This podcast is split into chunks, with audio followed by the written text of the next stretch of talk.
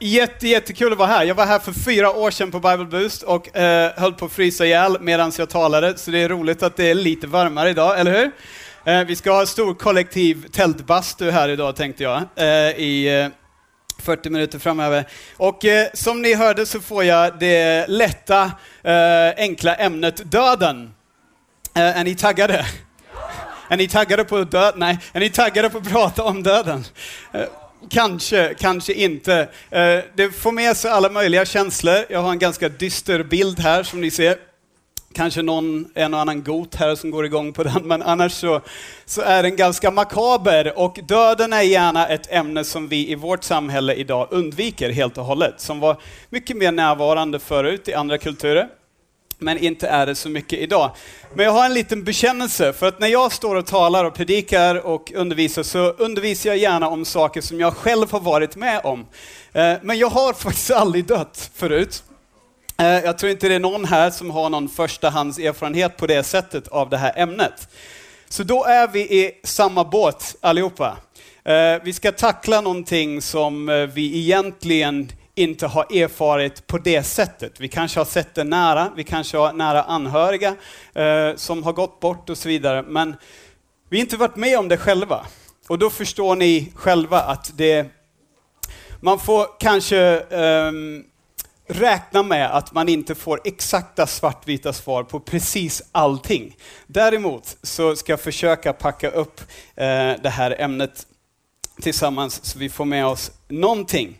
Eh, för det är ändå så, eh, och jag hoppas att det här inte är någon nyhet för någon, men det här är typ det enda som vi alla har gemensamt, förutom att vi föddes, det är att vi kommer dö.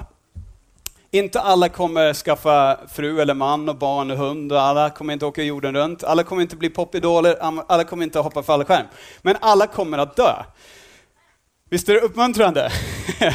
Eh, det blir bättre, jag lovar. Eh, men det är ett ganska relevant ämne.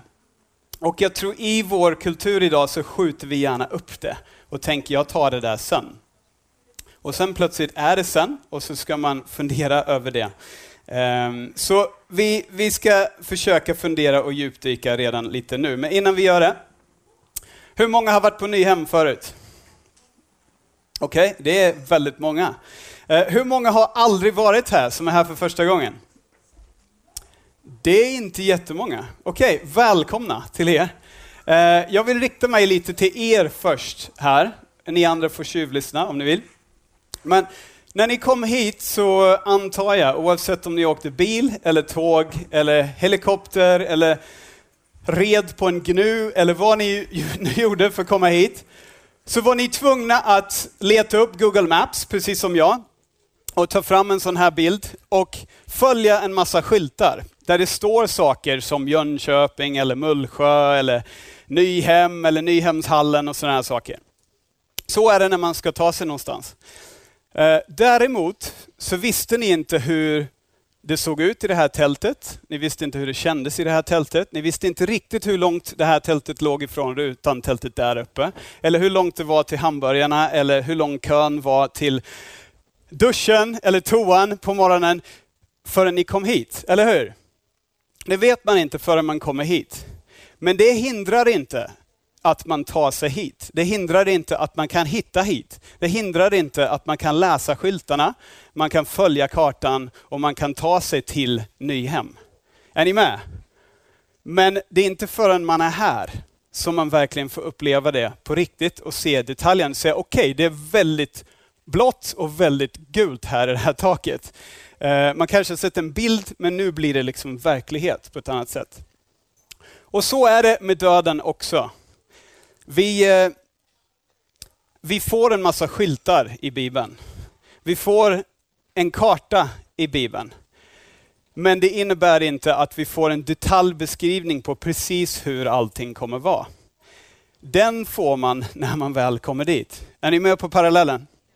Ni kommer behöva hjälpa mig lite idag, för jag gick upp halv sex i morse för att åka hit. Så det är inte jag som ska hålla er vakna, ni ska hålla mig vaken. Är ni med? Hänger ni med på parallellen? Är det en bra parallell? Ja, vad bra. Någon som tycker den är dålig? Ingen som vågar. Bra. Det är inte så att Nyhemsskylten har en fet LED-skärm där man projicerar liksom en live-feed från det här stället så man ser exakt hur det är. Utan det räcker med att det står N-Y-H-E-M och så kan man ändå hitta till den här platsen. Jag kommer tillbaka till det här snart. Ehm, jag har en annan bild här som kanske är lite mer eh, verklighetstroget. Jag vet inte om ni ser det längst bort där och där, men det är massa dimma på den här bilden. Och så på den här skylten står det Ausfahrt eh, på tyska. Och den är lite svår att läsa för att den är i en dimma. Och lite så kan det vara ibland med skyltarna i Bibeln, att det känns som att de är lite dimmiga. De är på andra språk, inte tyska kanske, men grekiska, hebreiska och det är liksom andra kulturer och grejer som, som står i spel här och man, man hänger inte med riktigt på, ska jag svänga här eller liksom vad, ska jag rakt fram eller vad ska jag göra? Och det är svårt att uppfatta vad som ligger längst bort där, man ser bara en stor dimma. Och det är någon som har beskrivit himlen och livet efter detta precis på det här sättet. Att det är som en hel värld som ligger precis där borta. Men det ligger på något sätt i en dimma och det är lite svårt. Ibland kan man se lite konturer, man ser att vägen fortsätter typ så. Och man får lite skyltar. Men man kan inte riktigt sätta fingret på precis allting. Det kanske är ännu mer som den här bilden. Eh, ibland känns det inte ens som att man är på marken när man tänker på evigheten. Det känns som att man hänger på en liten vajer i en sån här liten, vad heter det? kabin, eh, lift, whatever. Eh, jag är inte härifrån, jag är från Australien, så failar jag lite på svenska någon gång så får ni överseende. Det är som att hänga där från en vajer och bara in i en dimma och man känner sig wow, det här, vart ska jag? Vad, vad ligger där inne? Och en del blir livrädda. En del är så äventyrare som bara, nej, bring it on, come on. Och andra kanske blir förvirrade och undrar, så här, ska jag sitta kvar, ska jag hoppa, vad ska jag göra? Så kan det kännas ibland med evigheten. Någon som har läst Narnia-böckerna? Ja, jag väntar bara på att mina barn ska bli nog gamla och börja läsa dem. Eh, C.S. Lewis, författaren, han har pratat mycket om evigheten och han har gjort precis som Jesus och många andra gjorde ofta när de pratar om evigheten. Att han använder sig av bilder och berättelser snarare än en tiopunktslista med exakt så här ser det ut. Han beskriver Narnia, han beskriver hela ja, världar och liksom tillvaron som bara tilltalar vår fantasi och som är superspännande. Eh, och han pratar om just det här att vi har den här fantasin. För han menar så här, bara det faktum att människan kan tänka på evigheten och kan tänka på en annan värld och kan längta och ha den fantasin att kunna längta efter något annat. Bara det faktumet är bevis nog på att det finns någonting mer. För annars hade vi inte haft den förmågan. Vi hade inte haft den längtan, men det är någonting som är nedlagt i oss från början. Som vet att det är rätt ibland här, men det är inte riktigt rätt ändå. Det är något som inte riktigt stämmer. Och vi läser om Gud och hur han tänkte från början och så inser vi att det är något som inte riktigt är som det ska. Och så har vi den här längtan på insidan. Jag vet inte om du har den, men bara det att vi kan tänka på det eller längta efter det, det är bevis nog för att det, det är en verklighet, menar han. Vi ska inte prata mer C.S. Lewis nu, vi ska prata om Jesus. Eh, ämnet för den här veckan är det handlar om Jesus. Vi ska titta främst på vad Jesus säger om det här ämnet.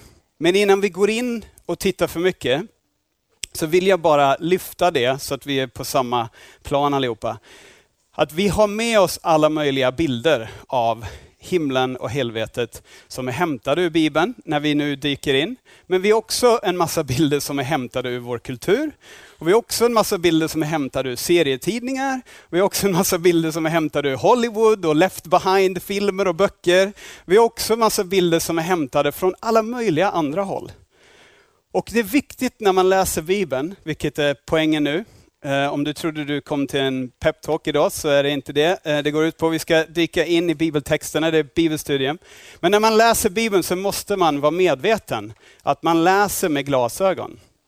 När jag läser Nyhemskylten, min rygg, det som sitter i ryggraden på något sätt, eh, eller ryggmärgen, jag kommer inte ihåg, jag blandade ihop dem där. Men det är att säga Nyhem, för jag, jag är engelsktalande. Men ni tänker självklart Nyhem när ni ser det. För att ni har en kulturell kontext och ett språk med er när ni ser den skylten. Men när jag ser den så ser jag något helt annat. Jag ser Nyhem eller Nyhem eller något annat. Och så är det när vi läser Bibeln också. Vissa saker är svintydliga.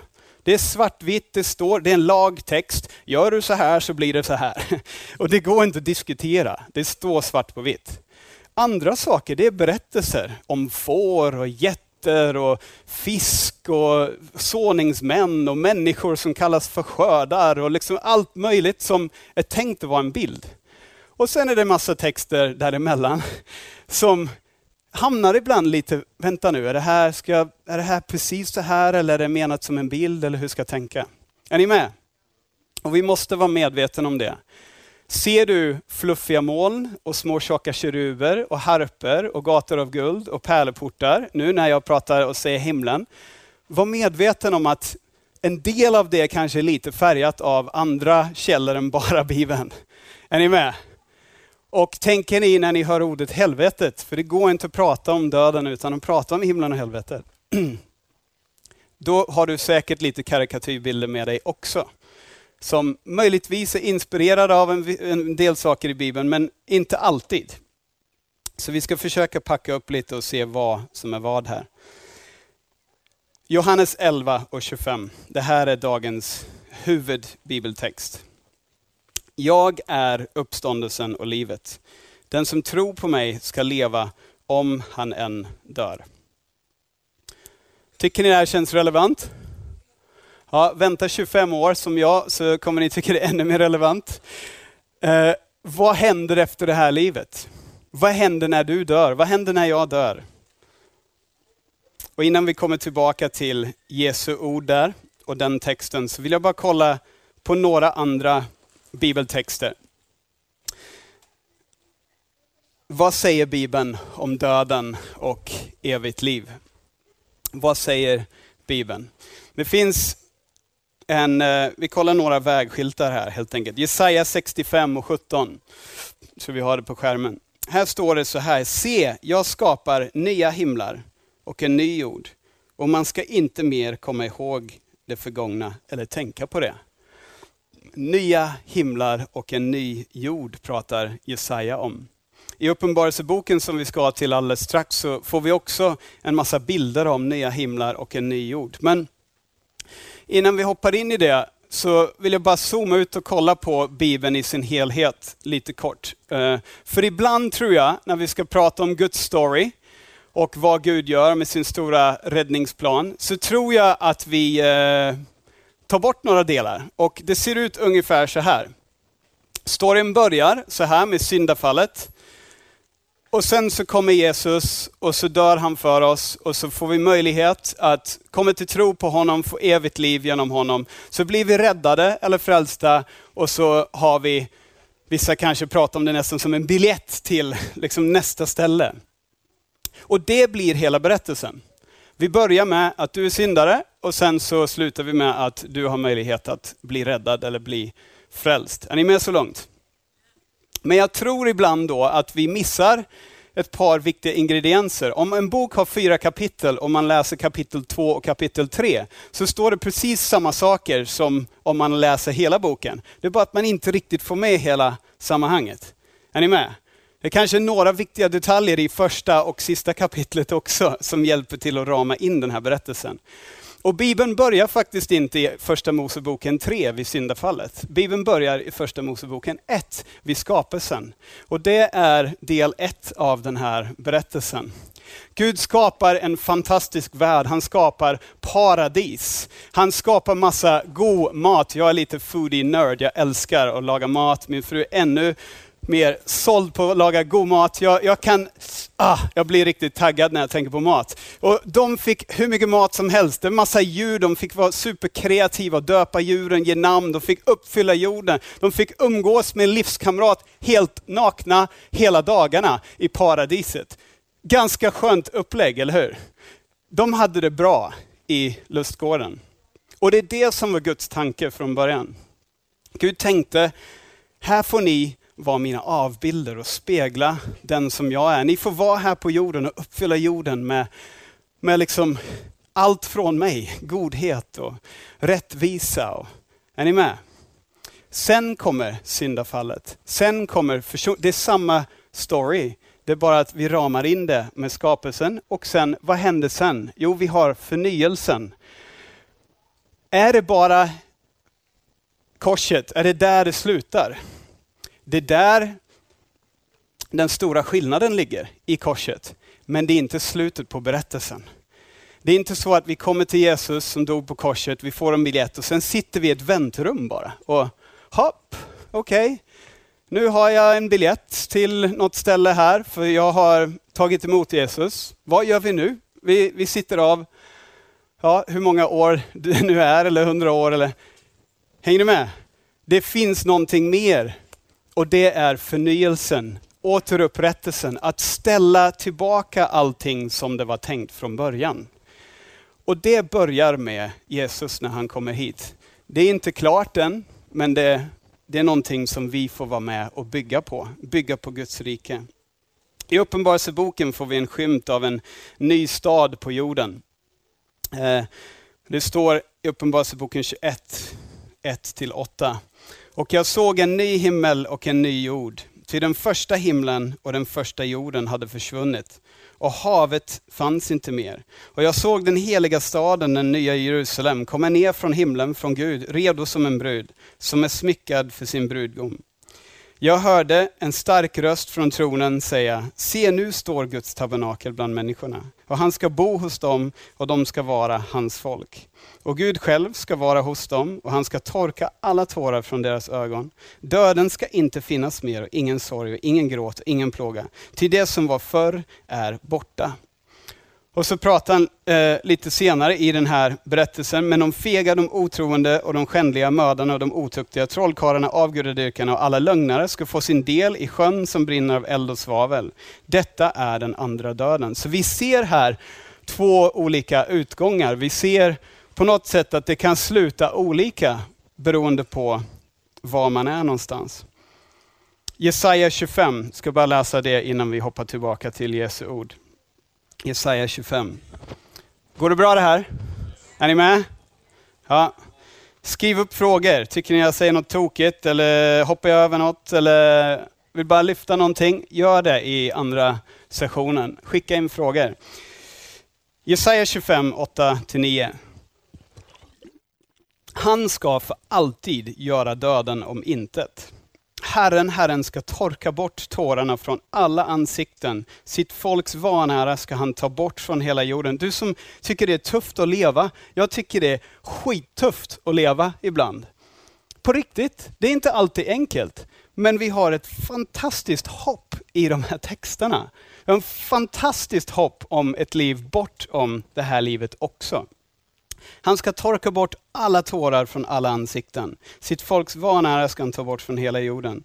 Ty Herren har talat. På den dagen ska man säga, se, här är vår Gud. Honom väntade vi på, han ska frälsa oss. Ja, han är Herren som vi väntade på. Låt oss vara glada och fröjdas över hans frälsning. Och jag vill bara lyfta det här nu när vi går in i vad Jesus säger för, som bakgrund. För vi kan inte läsa hela gamla testamentet, men Jesus bygger vidare på det som står i de gamla texterna. Och även Uppenbarelsebokens texter som handlar om framtiden. De, de här sitter ihop. Ehm, och det finns röda trådar och paralleller som vi kan titta på. Men huvudpoängen här är att vi har ett fantastiskt hopp som ligger framför oss. Och ibland så blir det lite snett eh, i, i kanske kristenheten eller allmänt, både i politik eller alla möjliga frågor, att man stirrar sig blind på några små detaljer eller man fastnar i fel frågor. Eh, och ibland så tror jag när vi pratar om evigheten och döden så, så har fel frågor kapat samtalet. Det är som att de har tagit över Eh, när min mamma kom till tro när jag var tio år, jag växte inte upp kristen, eh, och började gå i kyrkan lite grann. Det är slutet på 80-talet det här om ni kan tänka er. Nu kan ni räkna ut hur stengammal jag är. Men på den tiden så pratade man väldigt mycket om helvetet. Eh, det var sånger, det var draman, det var eh, filmer, det var väldigt mycket som kretsade kring att nästan skrämma upp folk med den här hemska bilden av, av helvetet.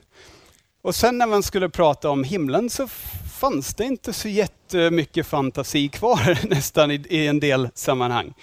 Eh, och då blev det mycket moln och mycket keruber och, och, lite gator av guld och lite pärleportar, men inte så mycket mer konkret. Och för mig så blev jag mest rädd, eh, blev ganska nyfiken ibland också, men kände aldrig riktigt att jag fick eh, svar och det var så laddat av allt det negativa. Och den, det finns där, det perspektivet. Vi ska inte försöka låtsas att det inte finns, vi ska kolla på det. Men huvudfokus är hela tiden frälsningen, hoppet, nya himlar och en ny jord. Det som ligger framför att återupprätta det fina som Gud satte igång vid skapelsen. Det är ett hoppfullt budskap om att kunna leva tillsammans med Jesus i evigheten. Och det är det jag vill ändå vi ska ha som huvudfokus när vi går in i det här lite vidare. Låter det okej? Okay? Halva tiden har gått så jag ska snabba på här. Vad säger Jesus själv om döden och evigt liv då? Är det okej okay om vi läser en story? Är det det? Ja, vad bra. Eh, Johannes 11, 1 och framåt. Jesus uppväcker Lazarus. En man som hette Lazarus var sjuk. Han var från Betania, den by där Maria och hennes syster Marta bodde. Det var Maria som smorde Herren med välluktande olja och torkade hans fötter med sitt hår. Och det var hennes bror Lazarus som var sjuk. Systrarna skickade då bud till Jesus och lät säga, Herre, den som du har kär ligger sjuk. Jesus gillade de här systrarna och deras brorsa. Han tyckte om dem väldigt mycket. Jesus hörde det och sa, denna sjukdom ska inte sluta med döden. Den är till Guds ära så att Guds son blir förhärligad genom den. Jesus älskade Marta och hennes syster och Lazarus. När Jesus hörde nu att Lazarus var sjuk stannade han två dagar där han befann sig. Därefter sa han till sina lärjungar, låt oss gå tillbaka till Judeen. Lärjungarna sa till honom, Rabbi, nyss försökte judarna stena dig och nu går du dit igen. Så han ger sig tillbaka till ett ställe där han är, är hotad egentligen. Så de undrar, varför skulle du göra det? Jesus svarar, har inte dagen tolv timmar, den som vandrar om dagen snavar inte, eh, eftersom han ser denna världens ljus. Men den som vandrar om natten snavar, därför att ljuset inte finns i honom. Sedan han sagt detta tillade han, vår vän Lazarus sover, men jag går för att väcka honom. Och så kan vi hoppa ner lite grann. När Jesus kommer fram, vers 17, eh, fann han att Lazarus redan hade legat fyra dagar i graven. Och det här var kokhett, det var varmt, det var typ som det här tältet och lite till. Eh, och den här mannen har legat i fyra dagar, ni kan tänka er. Och så Många judar hade kommit ut till Marta och Maria för att trösta dem i sorgen över deras bror. När Marta fick höra att Jesus hade kommit gick hon och mötte honom. Men Maria stannade kvar hemma. Marta sa till Jesus, Herre om du hade varit här skulle min bror inte ha dött. Så hon, hon fattar att den här mannen, han skulle kunna göra att han fortsatte att leva. Hon ser den potentialen, den kraften, hon ser att det är något hos Jesus. Och så säger hon, om du hade varit här hade han inte dött, men nu, nu är han död. Och då kommer det här eh, ordet som är dagens bibelord. Jag är uppståndelsen och livet. Den som tror på mig ska leva om han än dör. Och var och en som lever och tror på mig ska aldrig någonsin dö. Tror du detta? frågar han. Och jag tror han ställer samma fråga till dig och till mig också. Tror du detta? Den som tror på mig kommer aldrig någonsin dö. Tror du detta? Och hon svarar, ja Herre, jag tror att du är Messias, Guds son, han som skulle komma till världen. Då hon hade sagt detta gick hon och kallade på sin syster och systern kommer och hon säger ungefär samma sak. Om du hade varit här så hade han inte dött. Men sen så, när Jesus såg och hon grät och att judarna som följde med henne grät, då blev han häftigt upprörd och frågade, var har ni lagt honom? Då svarade de, Herre, kom och se. Och Jesus grät. Då sa judarna, se hur han älskade honom. Men några bland dem sa, kunde inte han som öppnade ögonen på den blinda ha hindrat att Lazarus dog? Så igen så hoppar de på Jesus här och bara, hallå, är inte du Messias? Är inte du den som går på vatten och liksom gör häftiga grejer? Gör något här. Och då blir han återupprörd och går till graven. Och så säger han, ta bort stenen. De säger, Herre han luktar redan. Det är fjärde dagen. Och då säger Jesus, vers 40, har jag inte sagt dig att om du tror ska du få se Guds härlighet? De tog bort stenen och Jesus lyfte blicken mot himlen och sa, Fader, jag prisar dig för att du hör mig. Själv vet jag att du alltid hör mig, men för folket som står här ska tro att du har sänt mig, så bad jag denna bön. Och när han hade sagt det så ropade han med hög röst, Lazarus kom ut! Och då kom den döda ut med fötter och händer inlindade i bindlar och med ansiktet täckt av en duk. Och Jesus sa till dem, befria honom och låt honom gå. Grym story, eller hur? Jag vet att den är lång, men fatta han väcker upp en död man som har varit död i fyra dagar. Han har börjat ruttna, för att tala klarspråk. Han har börjat ruttna den här mannen och Jesus väcker honom till livet igen. Och vers 45 och 46 ska vi avsluta med. Många judar som hade kommit till Maria och sett vad Jesus gjorde kom till tro på honom. Vem gör inte det? Han väcker upp en död. Tänk om jag bara väcker en död människa precis framför er. Det är klart att ni kommer säga, okej okay, det hände något där. Det, det där var lite utöver det vanliga. Men vers 46. Men några av dem gick till fariseerna och berättade för dem vad Jesus hade gjort.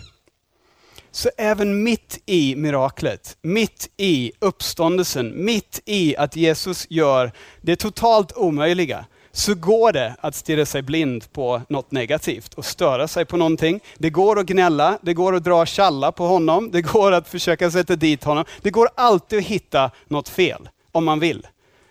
Till och med då, när man väcker döda, när man är Jesus Messias själv, går det att stirra sig blind på något tråkigt istället för att prisa Gud för det som har hänt. Och det händer än idag. Men det här budskapet är ett positivt budskap om möjligheten till evigt liv tillsammans med Gud. Att vi får kliva in igen i den planen som han hade tänkt från början. Att vi får uppfylla jorden med Guds härlighet, att vi får spegla honom i vår vardag, i vår värld. Låt oss kolla lite på de här orden i just den här versen, huvudversen. Jag är uppståndelsen och livet. När Jesus själv uppstår så kommer inte han som ett spöke, han kommer inte som en andlig varelse, han kommer i en kropp som en människa. Det är en ny kropp på ett sätt, men det är en gammal kropp på ett sätt. Alltså de känner igen honom, men det är ändå något som är annorlunda. Och det han har gjort är att han inte bara kommit tillbaka, utan han har, de har dödat honom och han har dödat döden. Jesus har dödat, han har inte bara besegrat döden, han har liksom dödat självaste döden den är borta. Han har dödat döden och skapat en möjlighet att leva för alltid igen. Inte bara för sig själv, utan för oss. Och ibland så hamnar vi i någon så konstig, vi svävar omkring där uppe någonstans som några själar. Det är väldigt fysiskt här. Och det är väldigt mycket snack om nya himlar och ny jord och en ny stad och nya kroppar och väldigt mycket konkreta fysiska saker. Och Jesus ändrar spelreglerna totalt här. Tänk att du har spelat Super Mario hela livet i 2D. Och sen så får du spela Pokémon Go. Jag vet att det inte är det hetaste längre, men det, så uppdaterade jag ungefär. Eh, min sexåring och femåring tror fortfarande att det är jättenytt och häftigt. Eh, men hoppar du från liksom 2D till augmented reality så är det som en helt ny dimension, eller hur? Eller går du från att spela Monopol så här, hela dagarna, ett brädspel. Mina barn ska alltid spela Den försvunna diamanten, världens tråkigaste spel. Det händer ingenting i det spelet. Ingenting. Vända på lite brickor. Det är helt, så tråkigt. Och gå från det till att sätta på sig ett par VR-glasögon och slåss mot massa Game of Thrones-folk i en helt ny värld, en ny dimension. Det är klart att det är skillnad, eller hur? Det är som att vara blind och plötsligt se igen. Det är som att ha svartvitt TV och ha 4 HD. Det är som att säga, det är en total förvandling. Och så tror jag det är gånger typ en miljon sen. Nya himlar, en ny jord, nya kroppar, en helt ny tillvaro. Men där det ändå finns en röd tråd och liksom grejer vi känner igen från det som har varit. Men det var en game changer. Jesus dödade döden.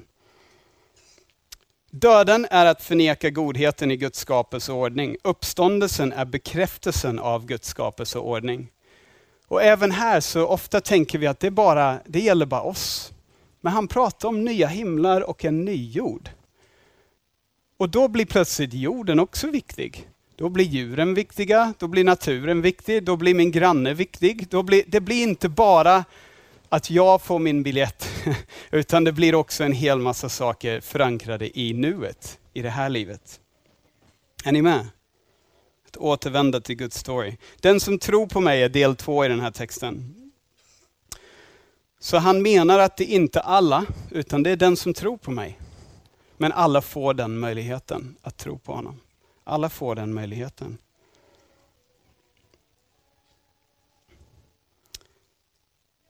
Och det är så att vi får nog mycket vägskyltar. Vi får inte blueprint på himlen eller blueprint på livet efter detta, men vi får nog många skyltar. Och vi får en nog bra karta och en kompass i den helige Ande, i Bibeln, för att kunna navigera dit, även om vi inte vet precis hur det ser ut. Johannes 5 och 24. Amen, amen säger jag er. Den som hör mitt ord och tror på honom som har sänt mig, han har evigt liv och kommer inte under domen, utan har övergått från döden till livet. Det är bra nyheter, eller hur? Det är goda nyheter. Och två liknelser, vi kommer inte djupdyka i dem nu, men ni kan skriva upp dem om ni vill. Två liknelser, Jesus drar 30-40 liknelser. Han pratar alltid stories. Men två som berör döden och livet efter detta lite extra är de här två. Det är en i Matteus 25, 31 46. Jag tror vi har det på skärmen. Inte hela eh, sammanhanget, men Matteus 25, 31 46. Här pratar han om getterna och fåren. Någon som känner igen den storyn? Han delar upp dem och så säger han exakt samma sak till dem. När Människosonen kommer i sin härlighet och alla änglar med honom, då ska han sätta sig på sin härlighetstron och alla folk ska samlas inför honom och han ska skilja dem från varandra som herde skiljer fåren från getterna. Fåren ska han ställa på sin högra sida och getterna på den vänstra. Då ska konungen säga till dem som står på hans högra sida, kom ni min faders välsignade att ta i besittning det rike som stått färdigt åt er från världens begynnelse. Ser ni, tillbaka till den här tanken, grundtanken. Och varför får de göra det? Jo, jag var hungrig och ni gav mig att äta. Jag var törstig och ni gav mig att dricka. Jag var främling och ni tog emot mig. Jag var naken och ni klädde mig. Alltså han pratar om en hel massa saker som vi kan göra här och nu i det här livet. Så först pratar han om den som tror på mig, men här pratar han också om hur våra liv ser ut. För när vi tror på Jesus blir våra liv förändrade också. Och så fortsätter han och så säger han, till dem på vänstra sidan, gå bort ifrån mig ni förbannade till den evige elden som är beredd åt djävulen och hans änglar. Det är hårda ord. Men han säger precis samma sak till dem. Jag var hungrig, ni gav mig inte att äta. Jag var törstig, ni gav mig inte att dricka och så vidare. Så han kopplar ihop evigheten och livet efter döden med livet före döden. Ser ni det? En annan berättelse Lukas 16, 19-31. Vi läser inte hela den, men igen så ser vi att han kopplar ihop. Han pratar med en rik man som har varit girig, självisk, bara tänkt på sig själv. Och så dör han och så skiljs han från, han hamnar i elden. Och han ser upp därifrån, men han kan inte ta sig därifrån. Och i den här berättelsen igen så kopplar Jesus ihop evigheten med hur den här mannen har agerat här på jorden. Alltså ser vi en koppling mellan de beslut vi tar, det sättet vi lever på, men framförallt vad vi tror, hur vi agerar när vi får en vägskylt och Jesus säger hitåt. När vi får en röst som säger följ mig. När vi får ett erbjudande, tro på mig så ska ni få evigt liv. Så har vi möjligheten att påverka vår evighet genom hur vi gensvarar. Den svenska teologen Mikael Telbe, han har doktorerat i den här knepiga boken, Uppenbarelseboken. Och han säger så här. Jag är försiktig med att tala i termer av vad helvetet exakt innebär. Men helvetestexterna har ett tydligt syfte. Att skapa vaksamhet, eftertänksamhet och omvändelse. De vill få oss att tänka till kring våra liv och konsekvenserna av det. Det är viktigare än att spekulera i vem som eventuellt ska hamna var och exakt vad varje tillstånd är och hur det ser ut. Är ni med? Poängen är inte precis hur ser det ut på Nyhem. Hur högt är tältet? Hur breda är de här ränderna? Hur långt ligger det här tältet från det tältet?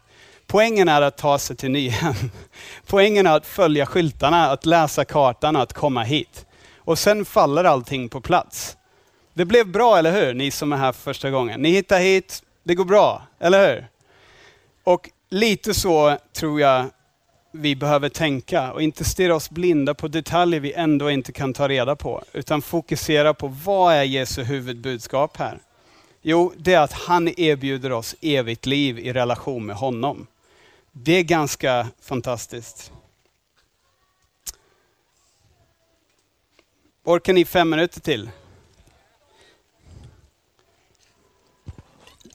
Måste prata kort om dom, för han är inne på dom lite här. Jag vet inte vad du tänker, när jag hör ordet dom så tänker jag att det är ganska tungt. Det är ett ganska jobbigt ord. Men häromdagen så gick jag hem med min femåring och vår granne, eh, grannes barn som också är fem år.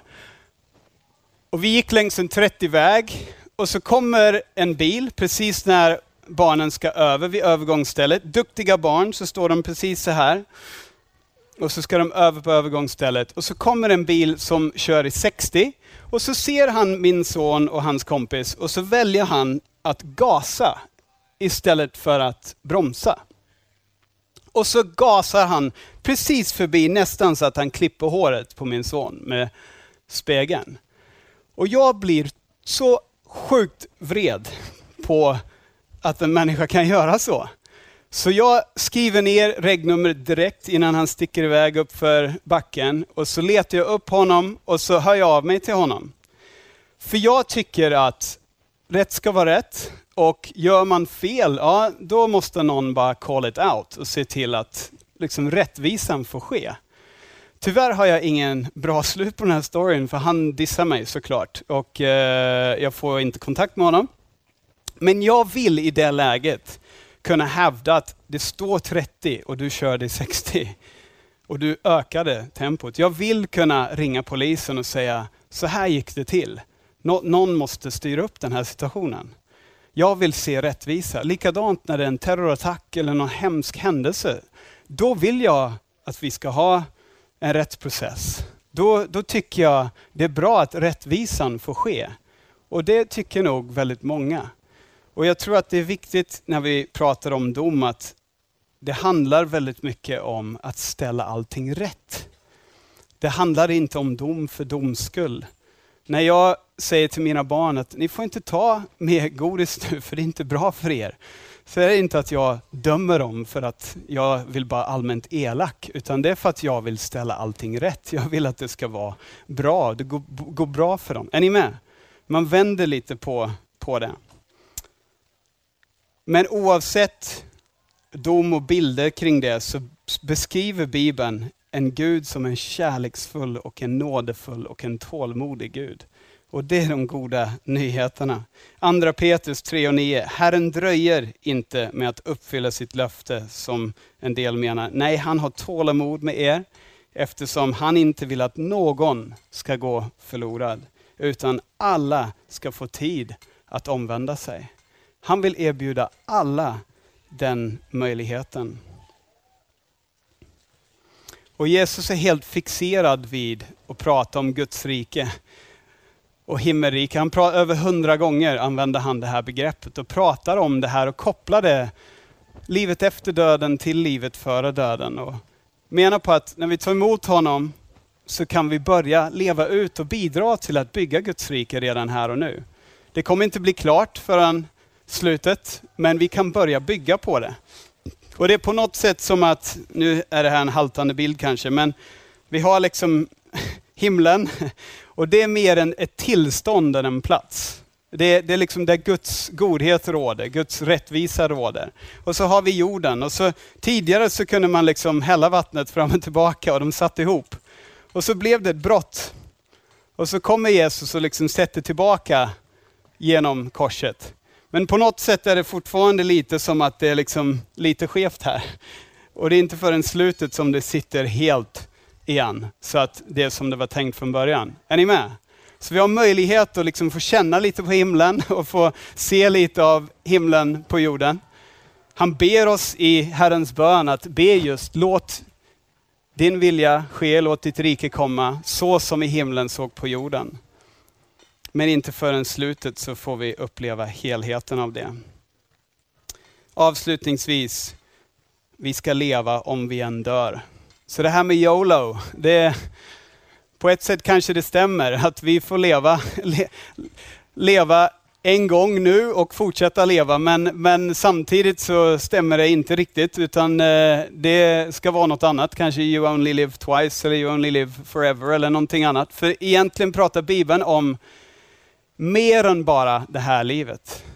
Det stannar inte här. Det stannar inte vid slutet här.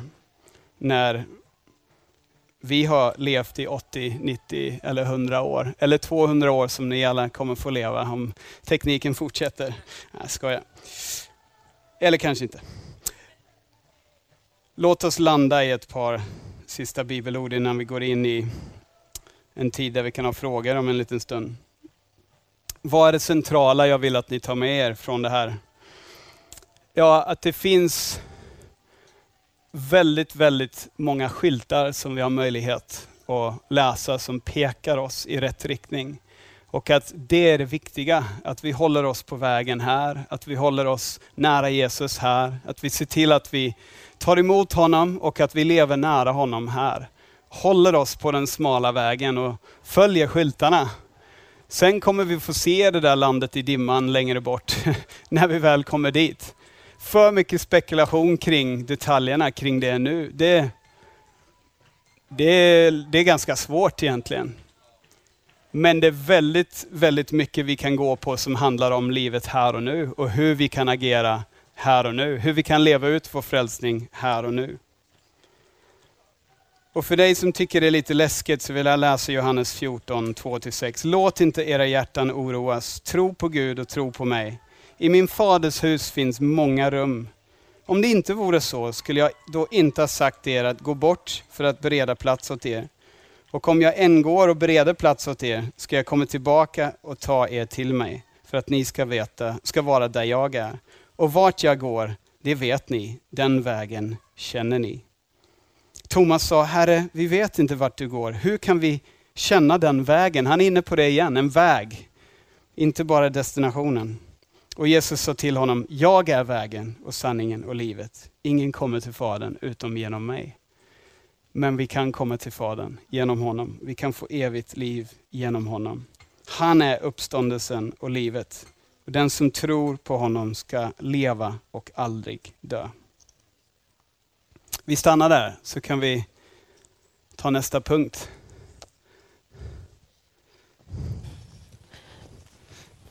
Nästa punkt. Ja, det är egentligen en fråga. Har du några boktips med dig? Precis, bra fråga. Eh, jag har två boktips. En är på engelska, eh, men eh, jag har inte hittat den på svenska, men den kanske finns. Men den här mannen Tom Wright, han är förmodligen världens ja, mest uppskattade eh, nytestamentliga teologer. Han är en av dem, i varje fall topp liksom gänget som har läst in sig på det här ämnet och på Nya Testamentet extremt mycket.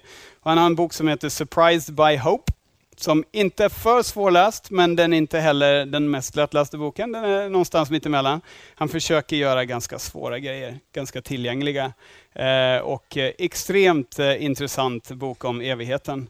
Sen så har C.S. Lewis, som jag pratade om förut, eh, skrivit en bok som heter Den stora skilsmässan, som också pratar om livet efter döden eh, på ett ja, men, intressant sätt. Igen, inte kanske lika lättläst som Narnia-böckerna, eh, men eh, ändå ja, men hyfsat eh, hyfsat lättsmält, eh, tycker jag ändå. Och eh, den finns på svenska. Sen kan ni läsa Narnia om ni vill bara ha en bra story. Det kan vara mitt tredje boktips. det kan sätta igång fantasin lite grann på eh, liv och världar bortom denna. Super. Tack Brad. All right. Då ska vi se. Hörni, vad grymma ni är på att skicka in frågor. Det har kommit in jättemånga frågor. Och vi brottas här med de snurrande stolarna. Här ska vi se. Ni får gärna fortsätta skicka in frågor. Jag tror vi har kvar numret där uppe.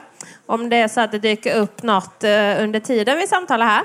Vi kommer hålla på ungefär en kvart till kvart över. Och sen så blir det samtalsgrupper.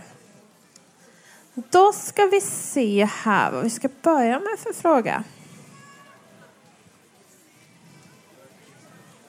Ja, men en, en fråga som ganska många faktiskt har skickat in lyder ungefär så här.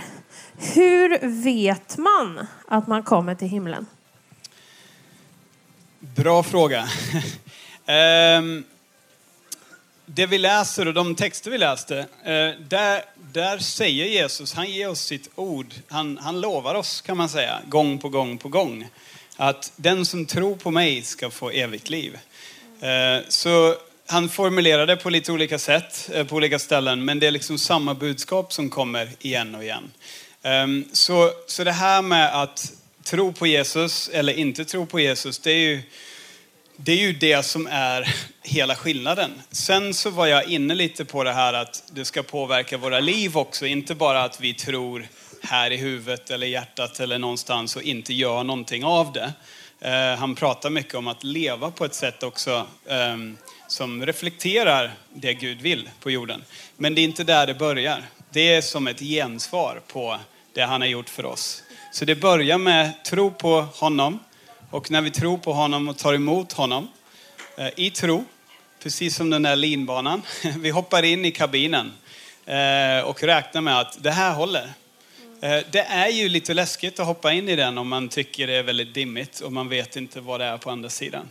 Ehm, men tron är ju lite som den där linan, att man räknar med att han har sagt att det är så och det håller. Jag tror på honom, därför kan jag vara säker på att det kommer gå bra. Och om himlen är där uppe och jag åker upp dit, eller om det är här nere och himlen kommer ner hit, eller om det är samma jord som blir förnyad, eller en annan jord, eller om det är något helt annat. Jag, jag litar på att jag kommer dit, för han har sagt det, om jag tror på honom. Så tänker jag. Eh, du kanske vill tillägga något? Mm, men har, mm, en lite personlig fråga då. Har du någon gång känt och, eller haft perioder då du undrat så här, för det är en fråga, man, det man frågar sig är ju kanske, är jag frälst? Mm. Och har du haft någon sån period och berätta om det i så fall och vad har du i så fall gjort med det? Jag kan säga att jag, min bakgrund och uppväxt är ju ganska, utan att vara för negativ, ganska ångestfylld och ganska mycket mörka tankar och eh, perioder av depression och sådana här saker. Jag vet inte hur många nätter jag har legat vaken och tänkt på de här grejerna. Mycket som yngre. Um, men sen så kommer det till en punkt där man får ett möte med Jesus. Den kanske är jättetydlig och stark för en del och för andra så kommer den mer smygandes. Ehm, men man kommer till en punkt där man på något sätt får välja. Ställer jag mig i det här? Vilar jag i det här? Ehm, ger jag mig till den här, ehm, den här berättelsen som, han, han, eh, som vi har läst om idag, eller inte?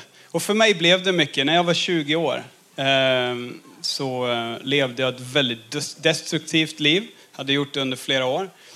Men jag fick ett sånt starkt möte med, med Jesus, helt otippat, oväntat. Eh, och då var det som att kliva in i den där kabinen och bara, nej men nu, nu går jag in i det här fullt ut och åker med. Eh, och från och med då för mig, det är klart att livet har fortfarande varit upp och ner, men jag har liksom haft en annan vila och frid eh, i, i min tro. Mm.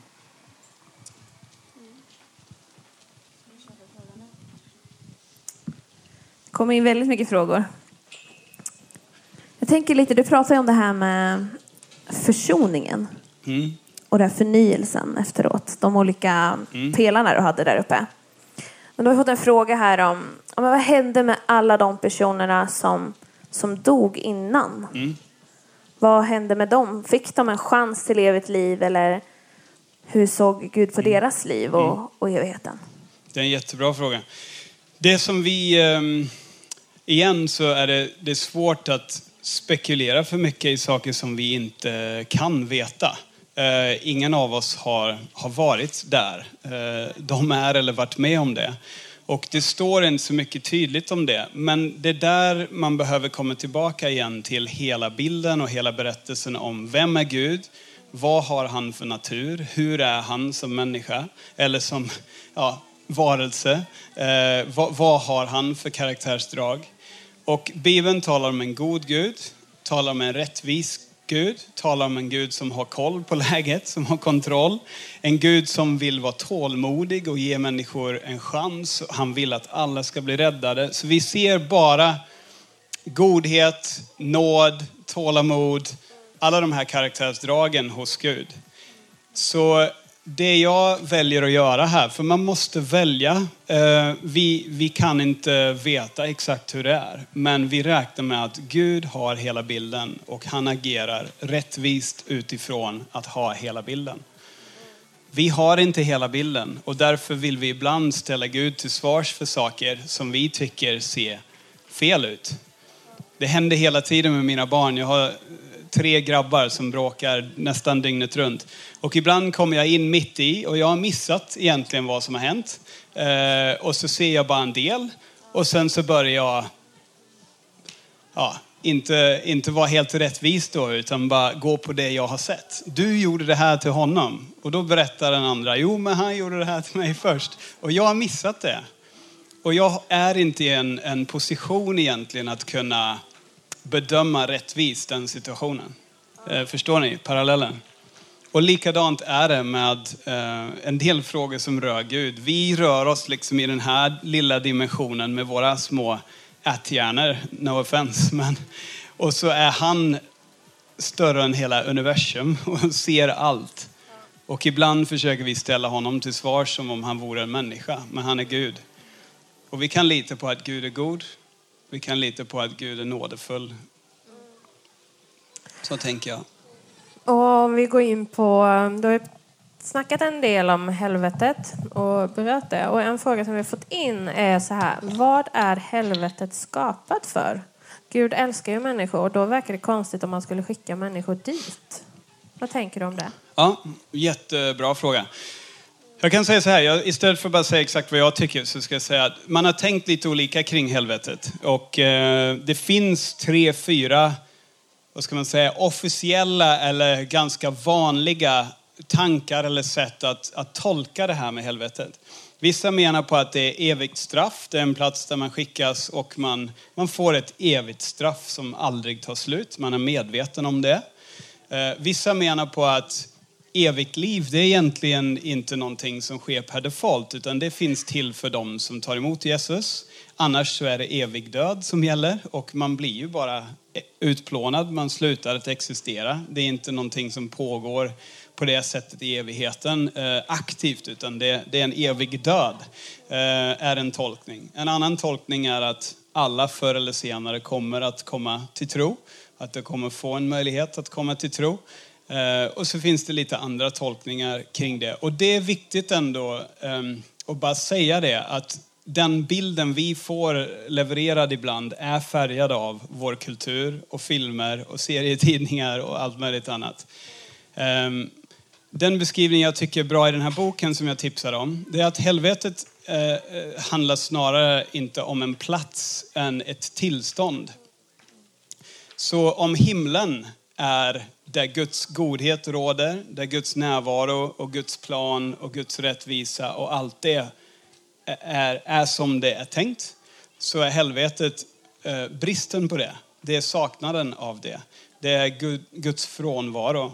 Och det är ju människan själv som får eh, en frivilja att välja vill jag bli som Gud och spegla honom och vara hans avbild och leva som han har tänkt från början?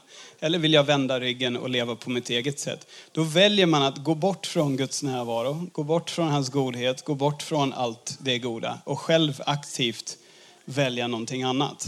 Ehm, så det är så många eh, har pratat om, om det.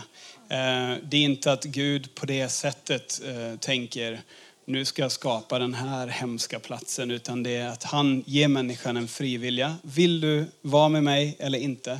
Och vissa människor väljer att gå bort från Gud. Ehm, men hur det sen ser ut, det, jag tror inte vi ska spekulera för mycket i det.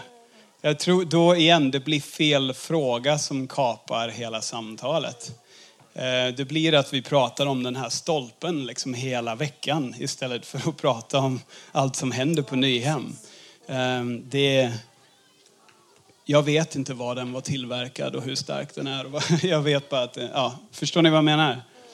Ehm, ja, jag vet inte om du... Om man nu, jo men det är jättebra svar. Om man nu ehm, om man nu vet detta och tänker att det finns och tror och tänker att det finns ett himmel och helvete.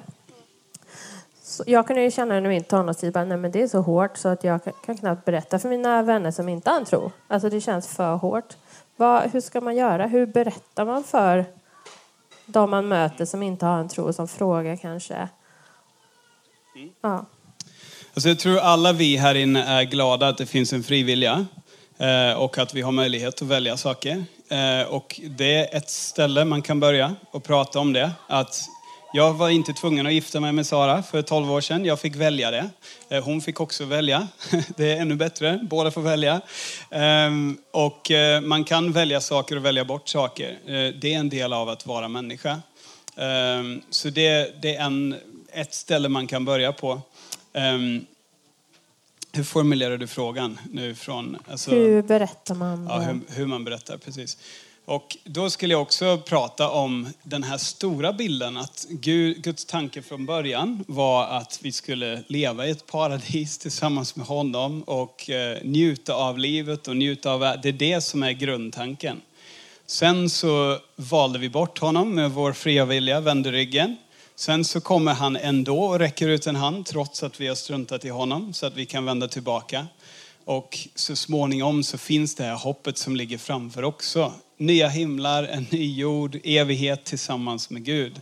Eh, det är den berättelsen jag skulle berätta för min vän snarare än att fokusera på, eh, igen, detaljer kring liksom, exakt hur himlen och helvetet ser ut eller hur mycket är en metafor och hur mycket är på riktigt och exakt var befinner de sig geografiskt. Det, igen, det blir fel ehm, betoning.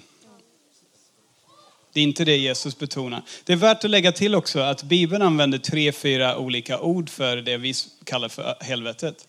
Ehm, så helvetet förekommer inte hur mycket som helst. Det är 20-30 gånger. Och det är med olika ord. Så någon gång så använder Jesus ett ord, eh, Gehenna, som egentligen är en sophög som låg i Jerusalem.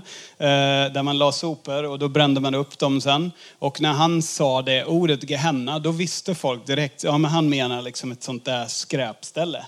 Eh, som man bränner upp, bränner upp sen. Men vi översätter det ordet med, med helvetet.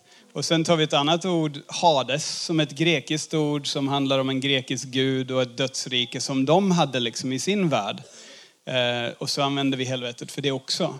Så Bibeln talar med ett mycket bredare, rikare språk, med ett bildspråk eh, också. Eh, det kan vara 100% Guds ord och inspirerat av Gud, men det kan fortfarande vara olika genrer av litterär text. Är ni med? Någon är berättelse, någon är poesi, någon är lagtext och så vidare. Så att igen, jag tror det viktiga när man läser Bibeln och tänker kring Gud är att dels veta att jag kan inte veta helt säkert, för jag har en ärthjärna. Han är Gud, jag är människa. Jag kommer aldrig begripa allting. Eh, och jag måste läsa med lite ödmjukhet och liksom hålla vissa saker lite lösare. Men vad är huvudtemat? Huvudtemat är Guds kärlek, erbjudandet om evigt liv tillsammans med Det är huvudtemat. Det är liksom konferensen, inte stolpen, som är poängen. Ja. Vi ska avsluta med tre snabba till Brad, tänker jag. Ni är ju duktiga på att skicka in frågor som, är- som är inte helt på ämnet. Så jag tänker vi kör på de tre. Och då är första frågan, vad bänkar du? Oj, det var så sjukt länge sedan så jag har ingen aning. Vad var det då, då? Jag bänkar mina tre barn kan jag säga. Så att jag staplar upp dem och bänkar mina barn. Det, Ja, Sen hur mycket de väger, det får ni eh, ta reda på en annan de är gång. inte så stora. Ah, Nej, jag skojar. sju, Wow. fem och ett halvt och Eh, två. Så. andra frågan, hur gammal är du? Eh, jag är någonstans eh, mellan 30 och 50. Ja, bra, bra spann. Och eh, var är Morgan Freeman Var? just nu? Ja. Ja, han är i en vit dräkt någonstans i någon låtsashimmel i Hollywood tror jag. Eh, jag vet inte. Bra. Ja. Ja, grymt.